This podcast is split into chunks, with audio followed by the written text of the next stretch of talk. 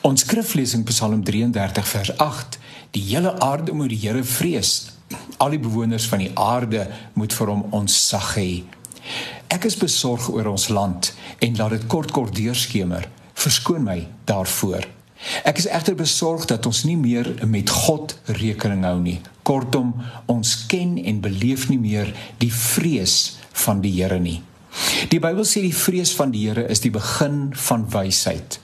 Uiteraard is hierdie vrees nie soos in bang wees nie, behalwe as 'n mens doelbewus en onverskillig met die verkeerde besig is en bly. Om hom te vrees beteken volgens my verstaan dat 'n mens met heilige ontzag vervul sal wees en bly. Hy is nie ons speelmaat nie. Hy is God die almagtige, alomteenwoordige en alwetende. Hy is alles wat ons nie is nie. Hy is volmaak en volkome sonder sonde en sonder letsel. Ons daarenteen ja, inderdaad beelddraers is beperk, sondig en voorlopig. Eers eendag sal ons soos hy wees, soos Jesus sonder sonde en kwaad. Ons bly egter God se skepsels en word nooit God of goddelik nie. Ons land gaan gebuk onder vele uitdagings. Trouwens, uitdagings is 'n vriendelike en 'n vroom woord vir wat onder die oppervlak aangaan. Ek maak my weer eens skuldig aan veralgemening, maar ons is te eenemale deel van 'n geheel.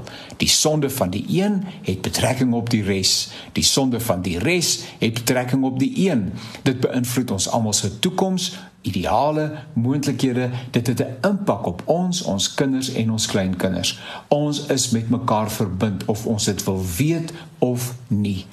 Die lys van wat verkeerd loop in ons samelewing is eindeloos. Net onverskillige mense leef so. Net mense wat hulle vrees vir die Here verloor het, steur hulle nie meer aan God en sy gebod nie. Net mense wat dwaas is, reken nie met die dag van rekenskap nie. Spreuke 1 vers 7 Die vrees van die Here is die beginsel van kennis. Sotte verag wysheid en tug. En Spreuke 14 vers 27 die vrees van die Here is 'n fontein van die lewe om van die strikke van die dood af te wyk